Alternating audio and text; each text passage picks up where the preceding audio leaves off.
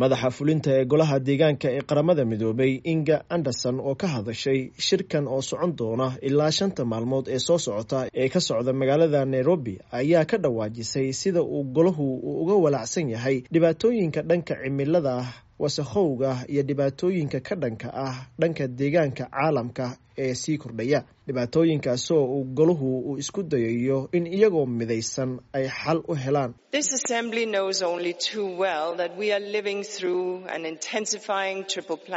Golahan waxa uu si dhab ah uga warhayaa in aan ku noolnahay adduunyo qalalaaso badan.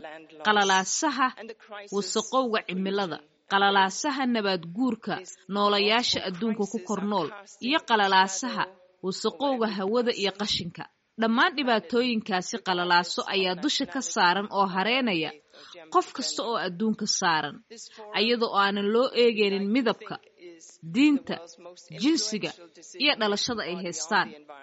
Shirkan oo aan jecelnahay in aan u eegno inuu yahay midka keliya ah ee saameynta adduunka yeelan kara ee loo dhan yahay ee lagu gaari karo go'aamada la dagaalanka wasaqowga cimilada iyo isbeddelkeeda ayaa si joogto ah u muujinaya midnimadaasi.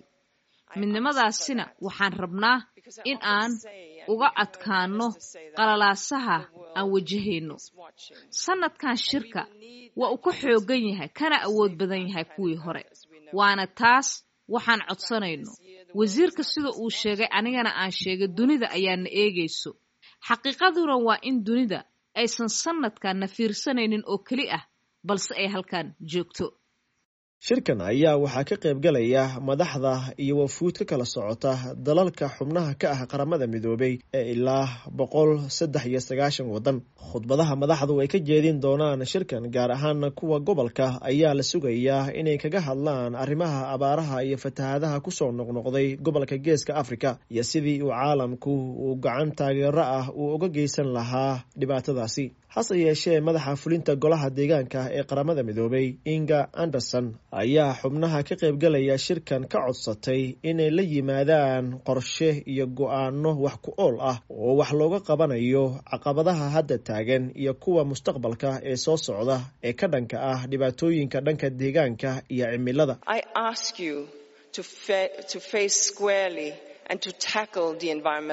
waxaan idinka codsanayaa inaad si qoto dheer u wajahdaan ulana dagaashaan caqabadaha iyo dhibaatooyinka deegaanka. caqabadaha cusub kuwa degdega ah.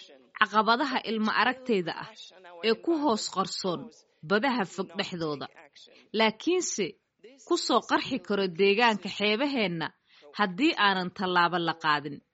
Taasi ayaa ah wadajirka rasmiga ah ee aragtida fog ee deegaanka loogu ololeyn karo dalalka ka qaybgalaya shirka golaha deegaanka ee qaramada midoobay ee ka socda magaalada nairobi waxaa ka mid ah waddamada urur goboleedka igad kuwaasoo ay inta badan ka dhacaan islamarkaana ka mid ah dalalka ay saameynta xoogan ay ku yeelatay dhibaatooyinka dhanka cimilada sida abaaraha iyo fatahaado mar walba galaafta nolosha dad iyo duunyo. Madaxweyneyaasha lagu wado inay khudbado ka jeedin doonaan shirkan waxaa ka mid ah madaxweynaha soomaaliya mudane xasan sheekh maxamuud madaxweynaha kenya william ruuto iyo ra'iisul wasaaraha ethoobiya abiy axmed gabagabada shirkan ayaana lagu wadaa in madaxdu ay ka soo saaraan qaraar wax looga qabanayo dhibaatooyinka dhanka isbedelada cimilada iyo deegaanka ee caalamka.